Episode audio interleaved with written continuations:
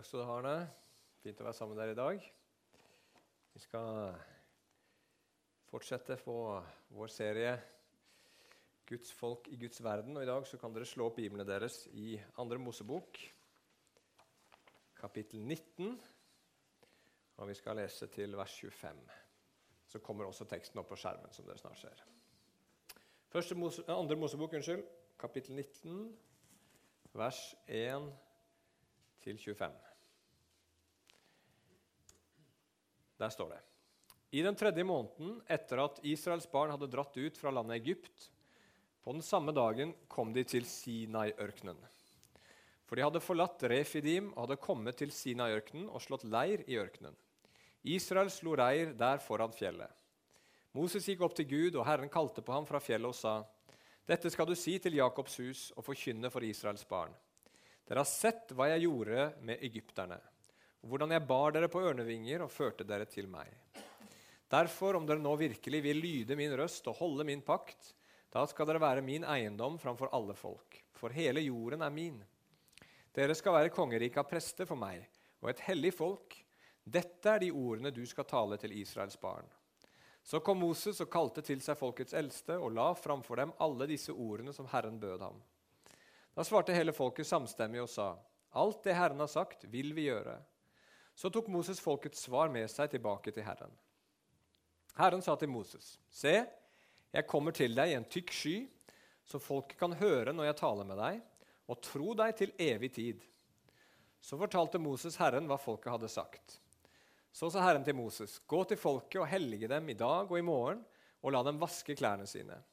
La dem være klare til den tredje dagen, for på den tredje dagen skal Herren komme ned på Sinai-fjellet for øynene på hele folket. Du skal sette grenser for folket helt rundt og si, vokt dere så dere ikke går opp på fjellet eller rører ved foten av det. Hver den som rører ved fjellet, skal sannelig dø. Ingen hånd skal røre ved ham, men han skal sannelig steines eller gjennombores. Om det er et dyr eller menneske, så skal det ikke leve. Når det lyder lange toner fra hornet, skal de gå opp på fjellet. Så gikk Moses ned fra fjellet og kom til folket og helliget folket, og de vasket klærne sine. Han sa til folket, gjør dere klare til den tredje dagen.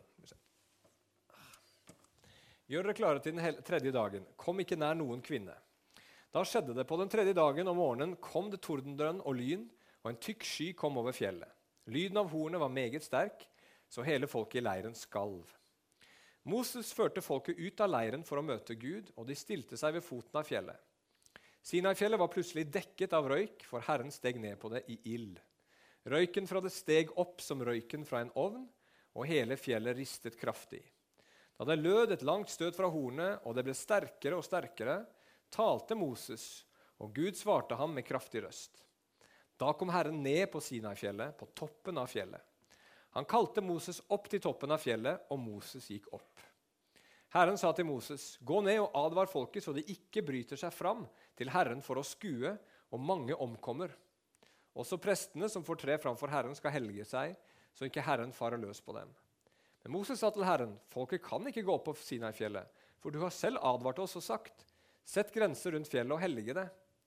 Da sa Herren til ham, 'Gå av sted, gå ned og kom opp igjen, du og Aron sammen med deg.' 'Men prestene og folket må ikke bryte fram og gå opp til Herren, så han ikke farer løs på dem.'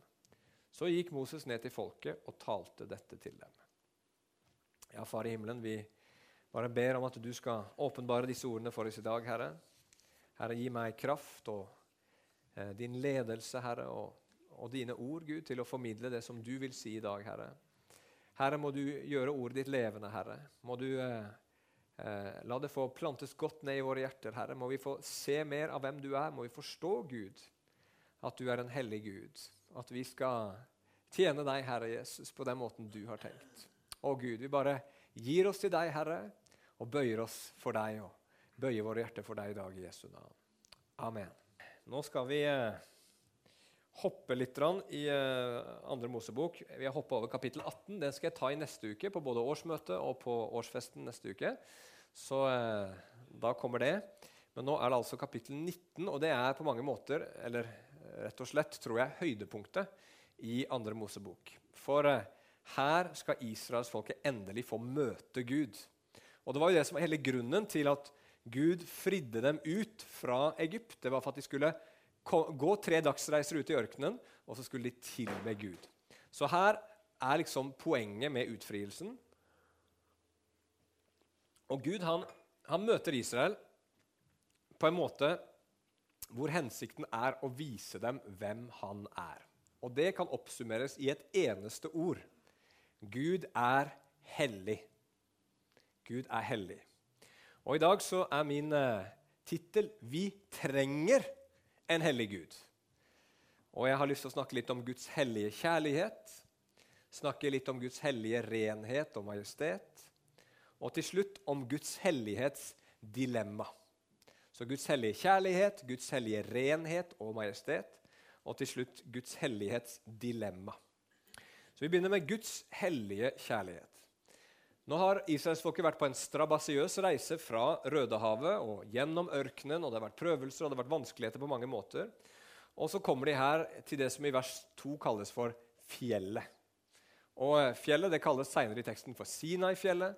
Andre steder i Bibelen så kalles det for Horeb eller for Guds fjell. Og Her slår de leir, og så går Moses opp på fjellet for å møte Gud. Og Der får han et budskap fra Gud. Han skal gå ned til folket og så skal han minne dem på det som Gud har gjort for dem. Gud har fridd dem ut av egypternes hånd, og så har han båret dem, sier han på en flott poetisk måte, på ørnevinger. Og så har han ført dem til seg. Og som jeg sa i sted, Det var det som var hele hensikten. Han kaller dem til seg selv. Det er det Gud er interessert i. Og, og, og Derfor så vil Gud nå forsegle dette med å inngå en pakt med Israelsfolket. En slags kanskje en fornyelse og en forlengelse av den pakten som Gud en gang gjorde med Abraham. Den skal nå her inngås på en ny måte med hele Israel. Og hva er en pakt? Vi har snakka om det flere ganger her på Betel, men det er et veldig veldig viktig ord i Bibelen, så det er greit å forstå hva det er. Det er en amerikansk forkynner som sier at pakt det er en avtale som både er kjærlighet og juss. Altså som i det som advokater studerer. ikke sant? Kjærlighet og juss. Med andre ord en juridisk bindende kjærlighet. Sånn som vi har det i ekteskapet. Når man gifter seg, så er det kjærlighet, ikke sant? Men så gjør man den kjærligheten sterkere. Og man uttrykker den sterkere ved at man binder seg til hverandre med en juridisk avtale. Man sier til hverandre lover for hverandre framfor Gud, framfor mennesker, at vi skal være sammen til døden skiller oss av. Og så sier Gud til Israel at 'jeg elsker dere så mye at jeg ønsker å binde meg til dere med en sånn avtale'. Og så spør Gud dem, 'Er dere med på dette?' 'Vil dere leve i en sånn pakt og lyde mine bud?' sånn at dere kan være min eiendom, sier han. Ser dere det i vers, eh, ja, vers 6-7 der rundt der? Så sier han at 'jeg vil at dere skal være min eiendom'. Og Det ordet som står på hebraisk der, det er et ord som er mye, mye sterkere enn det som det har vært oversett med i de fleste norske biblene. Men i den nyeste oversettelsen fra Bibelselskapet, 2011, hvis det er noen som har den, så står det at dere skal være min dyrebare eiendom. Og Det ordet som brukes, kan også oversettes med skatt. Så Gud sier, 'Vil dere være med i denne pakten med meg, slik at dere kan bli min skatt?'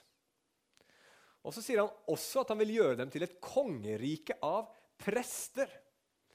Og Det er ikke sikkert så veldig mange her som har lyst til å bli prest. Men en prest i Det gamle testamentet det var en person som hadde et enormt privilegium.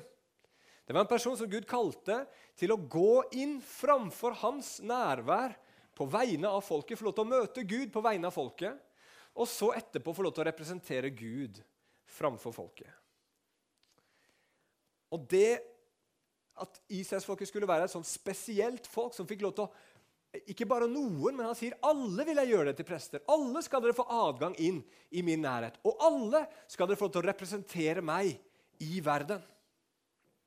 På den måten så vil Gud sier han, gjøre dem til et hellig folk, et adskilt folk, et annerledes folk i verden. Et kongerike av prester. Og så spør Gud dem Vil dere dette? Vil dere dette? Vil dere være dette hellige kongeriket som jeg kaller dere til? Og Før vi går videre, så må vi stoppe opp og tenke litt om hva dette her betyr for oss. Hva er det, hva er det Gud gjør her? Jo, Gud han åpenbarer kan vi godt si, sin hellige kjærlighet. Han åpenbarer sin hellige kjærlighet for sitt folk. Eh, og den uttrykker han nettopp som jeg har sagt, gjennom denne pakten. At han vil binde seg. Han vil knytte seg til dem. Eh, og han vil knytte seg til dem i, i, i denne, denne, hellige pakten. da.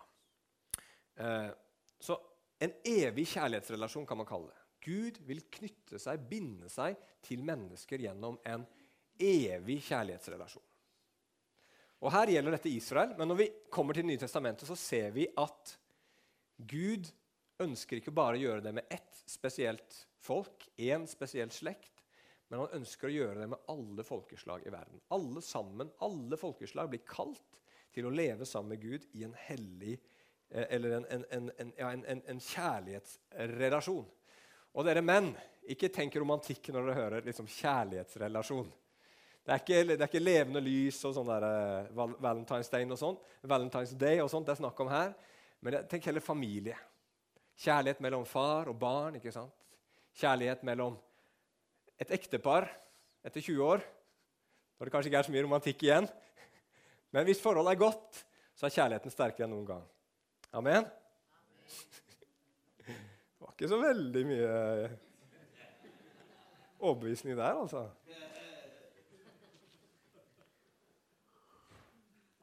Jeg får be for dere. Nei da. Men her så, så, så, så, gjelder det som sagt Israel, men, men, men, dette gjelder også for alle mennesker. Gud kaller oss til å bli bundet til Han i en evig kjærlighetsrelasjon. Og hva betyr det? Jo, det vil si det samme for oss i dag som det ville si for Israel på den tiden. For det første frihet fra mørkets bindende krefter. Det var Gud som fridde Israel ut fra Egypt, fra det slaveriet, fra den undertrykkelsen de var under der. Og På samme måte så kaller Gud mennesker ut av verden i dag for å fri mennesker fra de onde kreftene, fra, fra syndens slaveri, fra djevelens kraft, ifra undertrykkelse av alle slag. Ja, alt som binder og holder oss nede både på innsiden og på utsiden. Gud kaller oss til frihet. Og der kan dere godt si amen. Som han gjorde med Israel, vil han gjøre med oss. Og ikke nok med det. Han vil bære oss på samme måte som han bar Israel gjennom ørkenen på sine eh, på, på, ørnevinger, som det står, ønsker Gud også å gjøre det samme med oss. Jeg vet ikke om du har merka at livet kan være tøft og krevende. Noen ganger så kan livet for noen av oss i noen situasjoner bli så tøft, bli så vanskelig, bli så krevende når vi møter eh, vanskelige eh, familieforhold eller, eller, eller ting som, som, som, som, går skikkelig i stykker, når vi opplever død, når vi opplever sykdom, når vi opplever krig og, og, og alle slags mulige utfordringer, så kan livet bli så utfordrende og så vanskelig at vi ikke klarer det sjøl. Vi klarer det rett og slett ikke sjøl. Og så sier Gud at han vil være en Gud som skal bære oss som på ørnevinger. Og Vet dere hva ørnen gjør for noe? Når barna til ørnen skal lære seg å fly, så blir de sparka ut av redet. Det er ikke noe, eh, det er ikke noe sånn eh, teorikurs først. Eh, det er ikke noe prøvekjøring heller, men det er oppkjøring på første dag. Rett ut i det. Og Da kan du bare se for dere hvordan det går med denne stakkars ørnungen. Den flakser og den prøver så godt den kan. Men det ørnemor gjør, det er at hun er i nærheten hele tiden. Hun følger med. Mens denne stakkars ørnen kaver og prøver å få det til, så er ørnemor i nærheten. Og Går det galt, så kommer hun sekundet på sekundet. Og så flyr hun under ørnungen sin, og så får ørnungen sitte mellom skulderbladene til sin mor. Og Sånn vil Gud gjøre med oss også. Han kommer aldri til å forlate oss. Og når det er krise og vi ikke klarer det sjøl, så vil han bære oss. Det sier, det sier Gud til Israel, og det sier Gud til oss. Han kaller oss også til fellesskap med han. Gud stiger ned. Han kommer nær. Han vil at de skal se han, han vil at de skal høre han, han vil at de skal møte han. Og, på samme, og, og, og Han kaller dem til å være prester, som vi sa. ikke sant? At skal få, de skal få lov til å komme inn i hans nærvær. På samme måte så kaller Gud oss til fellesskap med Han for at vi skal kjenne Han, og for at vi skal tilbe Han. Finne vårt høyeste gode, finne vår største glede, finne vårt største håp, finne vår sikreste trygghet i Han. Og det trenger vi, kjære venner. Vi trenger et eller annet som vi kan ha vårt høyeste gode i, og det ønsker Gud å være for oss. Halleluja. Og så vil han også gi oss verdi og betydning. Vi hørte her at eh, Gud ville at hans folk skulle være hans skatt, hans kostbare eiendom. Og vi mennesker, jeg tror det er litt sånn med oss alle sammen, at vi, vi er i denne verden, kanskje spesielt opplever unge mennesker det i dag. Og vi, vi blir født, og vi bare tenker at våre liv eh, Vi vet at våre liv er verdifulle på en eller annen måte. Og vi vet at vi ble skapt for å være betydningsfulle på en eller annen måte. Men så opplever vi at livene våre blir så normale og så grå, kanskje, og så enkle. Og det er fordi at den verdi og den betydning som vi mennesker kjenner at vi trenger, den kan bare gis oss gjennom at vi lærer Gud å kjenne. Gjennom at vi blir Guds eiendom, og han sier til oss du er verdifull, du er elska av meg. Og så får vi oppleve at vi er betydningsfulle i det Gud sier. Og jeg kaller deg ikke bare til fellesskap med meg, men også til å være min representant i denne verden og bringe mitt lys ut til mennesker. Og vet dere hva alt dette her, Det er det vi mennesker virkelig dypest sett trenger. Og det ville Gud gi til israelsfolket. Han spurte dem vil dere ha dette. Og dette spørsmålet stiller Gud også til alle mennesker i dag. Vil dere ha dette? Vil dere ha min hellige kjærlighet? Vil dere bli knytta til meg, slik at jeg kan være deres skatt, og dere kan være min skatt?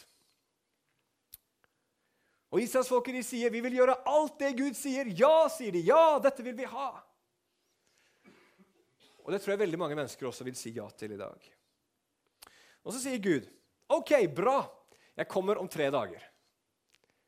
Og når Gud kom tre dager etterpå, så ble ting ganske annerledes. Og Da kommer vi til punkt nummer to Guds hellige renhet og majestet. Israelsfolket fikk beskjed om å forberede seg. De fikk tre dager på å forberede seg. Og Da skulle de bli hellige. Altså, Moses skulle hellige dem, står det.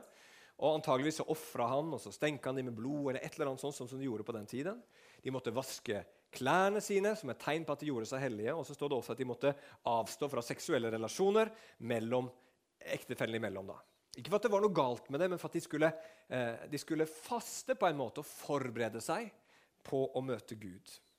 Og I tillegg så måtte de sette opp et gjerde rundt hele fjellet der Gud skulle komme ned. Og så var det dødsstraff for å gå forbi det gjerdet. Og Da begynte de sikkert å få litt bange anelser. Oi, hva kommer til å skje nå? Og Så kommer Gud. Og Når vi leser, så ser vi at først så begynner det å lyne, og det tordner. Og blir dekket, uh, fjellet blir dekket av en tykk sky. Uh, og så hører de en sterk lyd av et horn. Jeg vet ikke om noen har sett 'Inception' her, den filmen? Nei, jeg tar innrømme det. Der er det en sånn lyd sånn et par ganger i filmen. Den er veldig dirrende, veldig sånn kraftig. og Jeg kan tenke meg at det er noe sånt. Og da står det at folk allerede nå begynner å skjelve av frykt. Så nå blir de redde. Men det er ikke ferdig. Fjellet blir dekka nå av mørk røyk, står det, og det veller opp som fra en ovn. ikke sant? Du, du kan tenke at det bare, Når du liksom er i en sånn skikkelig skitten, elendig fabrikk, og det bare tyter svart røyk ut av skorsteinen Sånn røyk kommer det på det fjellet. Og så ser de ild, og så begynner fjellet å riste. Det er jordskjelv. Og så kommer det igjen et langt støt med hornet som blir sterkere og sterkere. og sterkere. Og Moses han begynner å snakke til Gud, og så står det at Gud svarer Moses med en kraftig røst. Hva skjer med folket nå? da? Vel, I det vi leste her, så står det ingenting, men hvis du går fram til kapittel 20, så ser vi at folk ikke bare skjelver, men de har flytta seg en del kilometer lenger bort. eller jeg vet ikke hvor langt det var, men De hadde gått ganske langt unna fjellet. Og, og, og, De var rett og slett redde for at de skulle dø, og de holdt for ørene og de sa Gud må ikke tale mer til oss, ellers så kommer vi til å dø. Og Bruk fantasien din nå litt. Prøv å tenke at du står der foran dette gigantiske fjellet. Jeg tror det er over 3000 meter høyt, i hvert fall det som vi tror er Sinai-fjellet i Sinai-ørkenen i dag. Og, og, og, og, det rister, og det skaker, og du ser en voldsom røyk, du ser ild, du ser lyn, og du hører en voldsom basunlyd. Og dette her har du ingen kontroll over. Du vet ikke om du kommer til å våkne opp levende i morgen eller ikke. Hvordan ville du følt deg da? Antageligvis hadde vi reagert akkurat som israelsfolket. Men hva i all verden er det Gud vil formidle? Altså, hvorfor er Gud så dramatisk? Og Gud han vil åpenbare sin hellige renhet og sin majestet. For det første så ser vi det i renheten. ikke sant? Han, han skjuler seg i skyer, for han er så ren, han er så hellig. Og ild er også et symbol på renhet. Og, og det er stengsel rundt fjellet. Han vil fortelle dem at han er en gud som ikke tåler synd. Eller kanskje enda bedre synd tåler ikke han, og ikke syndere heller. Han er en hellig og ren Gud. Men han vil formidle noe mer, og han vil si at 'jeg er mektig'. Jeg er den allmektige. Og denne situasjonen her var jo fullstendig overveldende. Dette her er Ingen spesialeffekter i hele verden kan komme i nærheten av dette. her. Dette er liksom som å, å, å, å møte de mektigste, kraftigste naturkreftene vi har her på jorda, på kloss hold. Og Israelsfolket var overvelda. Antageligvis så satt bare Gud i himmelen med en liten knappenål, og så prikka han litt på toppen av Sinai-fjellet. For han er bare så stor, han er så gigantisk, han er så mektig. Dette her var ingenting for Gud. Men Israelsfolket de så det fra sitt perspektiv, og for dem så var dette her bare enormt. Og han ville vise dem hvor stor han er. Og Så ser vi også at Gud han viser sin majestet. Han er konge. Det er en konge som kommer her, ledsaga av basunlyd. Han er opphøyd langt over oss mennesker, prøver Gud å fortelle dem. Han prøver å si til dem, 'Ja, jeg er en Gud som elsker mennesker.' 'Jeg er en Gud som vil ha fellesskap med mennesker.' Men så sier han også, 'Men jeg er ikke en Gud som man kan ta lett på.' For det første så er han absolutt. Altså, Vi tenker i vår tid at, at ting er ikke så nøye. Ja, ja, ja, det går bra, ikke sant? Men hvis du hadde hvis du hadde vært israelitt på den tiden og stått der og så denne gjerdet og sa ja, ja, det er ikke så nøye, og du hadde gått inn og rørt ved dette hellige fjellet hvor Gud steg ned, så hadde det sagt poff! Og så hadde ikke du vært mer. Så absolutt er Gud. Hans vesen er så tvers igjennom rent og hellig at det å se Han i all hans renhet og hellighet, det vil utslette oss. Og Så står det at en dag skal verden, hele verden få merke hvor absolutt Gud er. Her ryster han bare dette lille fjellet nede i, i, i, i, eh, Sinai-ørkenen. Men en dag står det så skal himmelen, selv himmelen, jorden skal rystes, himmelen skal rystes. Hele verden skal si at denne Gud, som er universets konge og herre, han er fullstendig absolutt. Og han er ikke til å tulle med. Han går ikke på det minste kompromiss. Han er absolutt. Og så vil han vise dem at han også er stor og mektig, som vi var inne på, vi, og, og at vi da er små. Vår kraft er så liten, og vårt hode er så lite, at vi er ekstremt begrensa i møte med den levende Gud. Han som vi ser her. Vi tror så fort at vi vet best, og vi kan, og vi skal få det til, og vi skal forandre verden. og Med vår visdom, med vår rettferdighet og med vår godhet.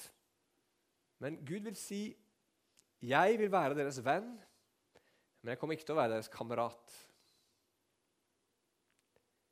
Han er så mye større. Han trenger ikke oss, men vi trenger han. Han ble ikke skapt for å tjene oss, men vi ble skapt for å tjene han. Så all vår stolthet, alle våre pretensjoner, alt det vi liksom tenker at vi er så fantastiske Når vi får møte Gud sånn som han er, så forsvinner det som dugg for solen. Han er stor. Han er opphøyd. Som Bibelen også sier, vår Gud, han er en fortærende ild. Det er vår Gud. Og I stad sa jeg at en Gud som er hellig kjærlighet, er, Gud vi, er den Gud vi trenger. Og nå er min påstand igjen at en Gud som er i hellig renhet og majestet, er også akkurat en sånn Gud som vi trenger. Og det er ikke sikkert så veldig mange mennesker i dag ville vært enig i. For det fins mange mennesker i dag som tror på Gud, er åpen for at det fins et eller annet der oppe. At det fins en Gud. Og, og så er kanskje den mest klassiske måten å uttrykke det på å si at jo, jeg tror på en Gud som er kjærlighet. Som aksepterer og godtar alle mennesker. Han er det jeg vil tro på. Han er det jeg vil satse på. Men vet dere hva? En sånn Gud som det, han kan ikke gi mye håp. Og den kjærligheten der er ganske så tafatt. Det er ikke sånn en Gud vi trenger. Vi trenger en Gud som er absolutt ren. Absolutt ren.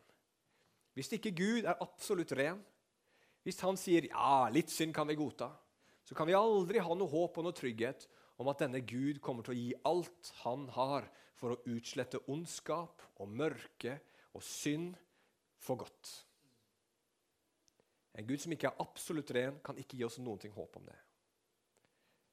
Så en Gud som du sier ja, han er kjærlighet og han er glad i alt og alle, han kan ikke gi deg noe håp om at ondskapen en dag skal ta slutt. Men det kan denne Gud. Det er en sånn Gud vi trenger for at vi skal kunne få håp. Så trenger vi en Gud som er mektig og majestetisk, vi trenger en Gud som er så mektig at han ikke bare vil slette ut ondskapen, men han har makt og kraft til å gjøre det. Amen. Og så trenger vi en Gud hvis kjærlighet er mer at han bare sitter oppe i himmelen og elsker oss litt sånn generelt. Og så ser han på at vi driver og ødelegger oss sjøl og ødelegger hverandre og ødelegger verden. Vi trenger en hellig Gud. Vi trenger en mye mer intens Gud enn som så. Som kan forandre alt sammen som har så mye kraft og så mye ild i seg at denne verden vi lever i, kan bli rensa og forvandla. En sånn Gud er det vi trenger. Vi trenger en hellig Gud. Men det gir oss et dilemma. Dilemma. Og hva er det? Jo, på den ene siden så skjønner vi at vi trenger å komme nær den Gud som Bibelen snakker om. For Vi skjønner at vi trenger fellesskap med Han. Vi trenger å få verdi og betydning fra han. Vi trenger at han er den som, som fyller våre liv, og som kan bære oss og gjøre oss trygge. Vi trenger at han frir oss ut fra alle de kreftene rundt oss som vi ikke er i stand til å fri oss ut ifra. Men så Det er den ene siden, men på den andre siden, hvordan kan du ha et sånt bindende kjærlighetsforhold til en gud som er som en vulkan i utbrudd? Hvordan kan du binde deg til en vulkan? som er i fullt utbrudd, det er vanskelig. Eller en atombombe, om du vil. Gå med en sånn på ryggen. Og du vet Den går av om tre minutter. Det er et lite dilemma. Vi trenger deg, Gud! Men vi tåler deg ikke. Hvordan kan det gå an? Gud han sa til Israels folk at hvis de skulle komme til han, og han skulle være deres Gud, så måtte de love å lyde han, og så måtte de rense seg. Hvis du og jeg skal kunne ha et forhold til en sånn Gud, så må vi selv være hellige. En hellig Gud kan du og jeg bare møte og ha fellesskap med hvis vi er hellige. Og israelsfolket, de helliga seg, står det her. Og hvordan gikk det? Jeg vet ikke om du la merke til det, men i, i vers 13 så står det Så sier Gud at når dere hører det lange støtet fra basunen, så skal dere komme opp, og så skal dere møte meg på fjellet. Og Så kommer det litt seinere i teksten at det kommer et langt støt fra basunen. Får israelsfolket komme opp da?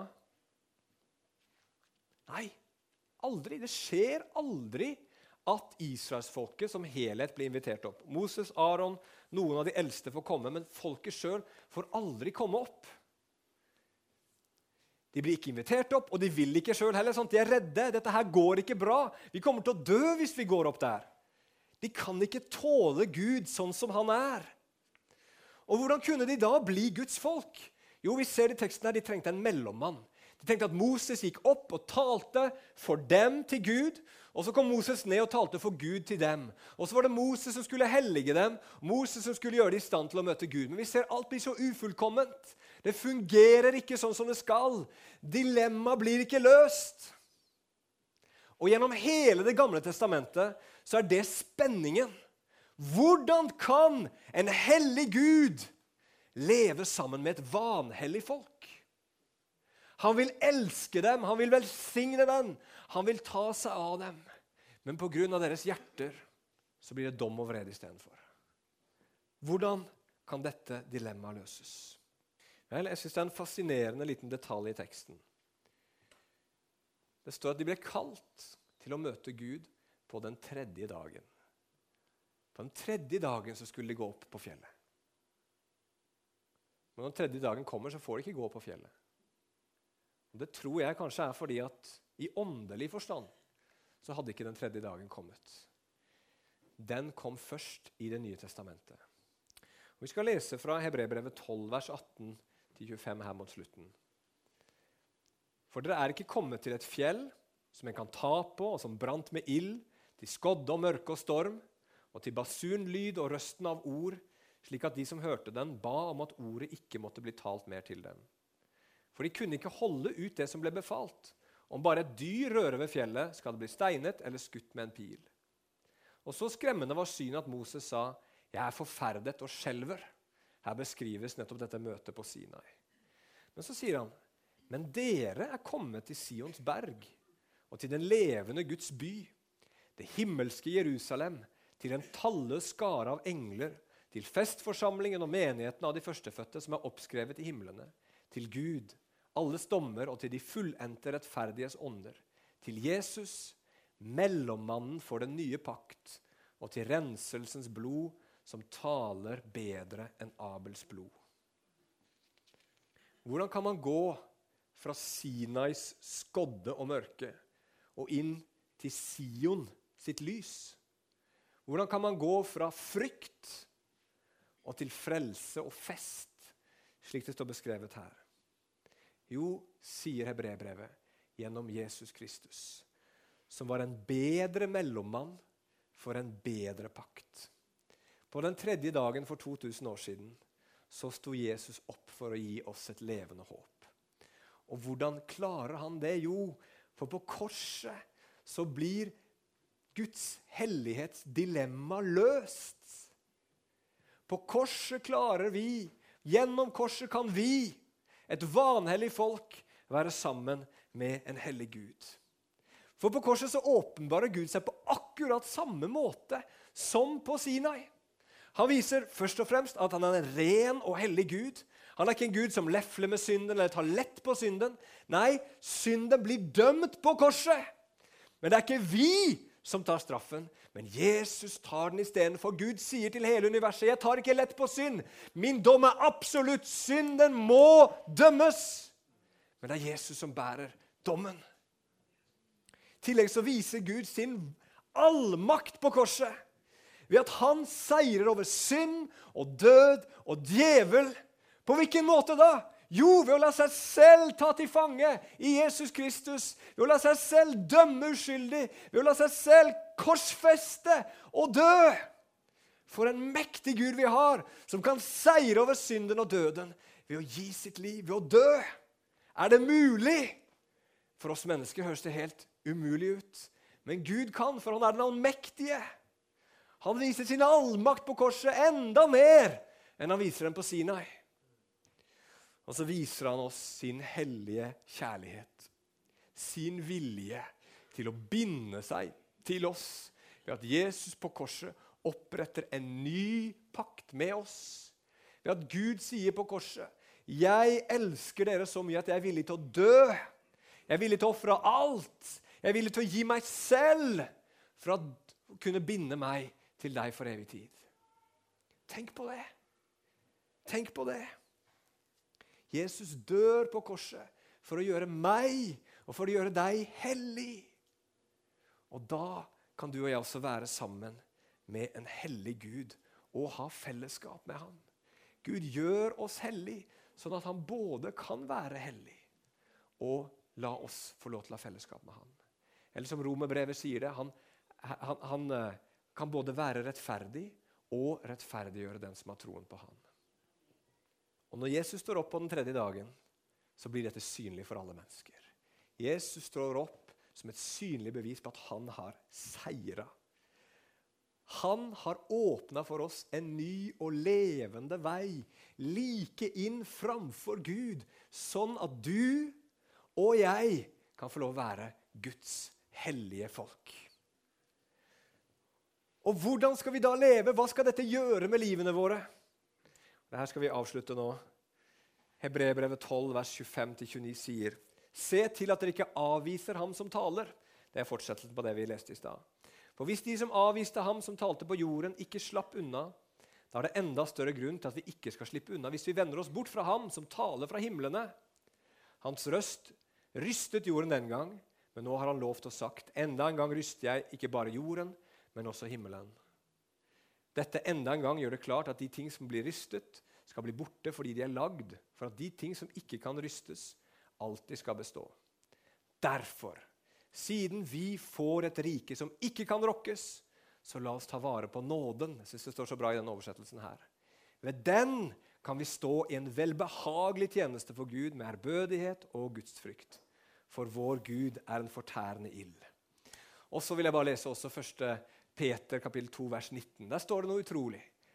Men dere er en utvalgt slekt, et kongelig presteskap, et kongerike av prester, et hellig folk, et eiendomsfolk eller et skattens folk, så dere skal forkynne Hans underfulle storverk, Han som kalte dere ut av mørket og inn i sitt underfulle lys. Hvordan skal vi leve? Hvordan skal vi leve når den hellige Gud har åpenbart sin hellige kjærlighet, sin hellige renhet og majestet? Hvordan skal vi leve når Jesus har gjort oss hellige gjennom korset? Jo, for det første ta imot og nyt fellesskapet med Gud. Tro på det hele ditt hjerte. Tro på at det Jesus gjorde på korset, det er godt nok. Hold fast på nåden. Tenk aldri at du må legge litt til. Tenk aldri at du må være litt flink, så at nåden i hvert fall skal være litt fortjent. Nei, bare ta den imot ifra Gud, for det er det eneste vi har for at vi skal kunne nærme oss denne hellige Gud. Vi må desto mer holde fast ved den. Bare glem gjerningene, for de hjelper deg ikke en millimeter i forhold til Gud. Det betyr at vi ikke skal leve hellig, men det betyr at det er ikke der vi har vår tillit. Ha din tillit i nåden. Stol på den. Gled deg over den. Takk Gud for den. Drikk dypt av den evige kjærligheten Gud har for deg, og hvil i den tryggheten der at Gud er din frelser og din far. Og så må vi samtidig ha dyp respekt for Gud, for hans person, for hans ord. La oss ikke ta lett på det han har sagt, men forsøke av hele vårt hjerte å leve etter det. Og når vi faller og når vi synder, så la oss løpe til ham med en gang. Ta med vår synd til korset. Tro på det han har gjort. La aldri den tilgivelsen bli en tillatelse fra Gud. La aldri heller Guds kjærlighet bli en egotripp. Men gled deg over det. Ta det imot og la det føre til en hellig livsstil. Og så har Vi også kalt til å vise verden hvem Gud er. Vi blir kalt her står det til å forkynne Hans underfulle storverk. Det som vi har fått, er et kall til å være et hellig folk i denne verden. Til å være et hellig presteskap som går inn for Gud, hver og en av oss. Vi tror på det som ble kalt for den allmenne prestetjenesten. Det betyr at vi alle sammen kan gå inn for Gud og møte Han. Og så kan vi alle sammen også få lov til å gå ut i verden og representere Gud for mennesker. Bringe Hans ord ut, bringe Hans kraft ut, bringe Hans håp ut, bringe Hans lys ut. Amen. Og så skal vi leve for himmelen. Vi har et evig rike som ikke skal rokkes. Amen. Ja, himmelske Far, nå bare kommer vi til deg, Gud, og så vil vi gå til nattverd, Jesus. Herre, og, og minne hverandre på denne nye pakten som du har oppretta. Herre, la det brenne dypt, dypt i våre hjerter, Herre. Med takknemlighet og glede og ærefrykt for deg, Herre. I Jesu Kristi navn. Takk, Far.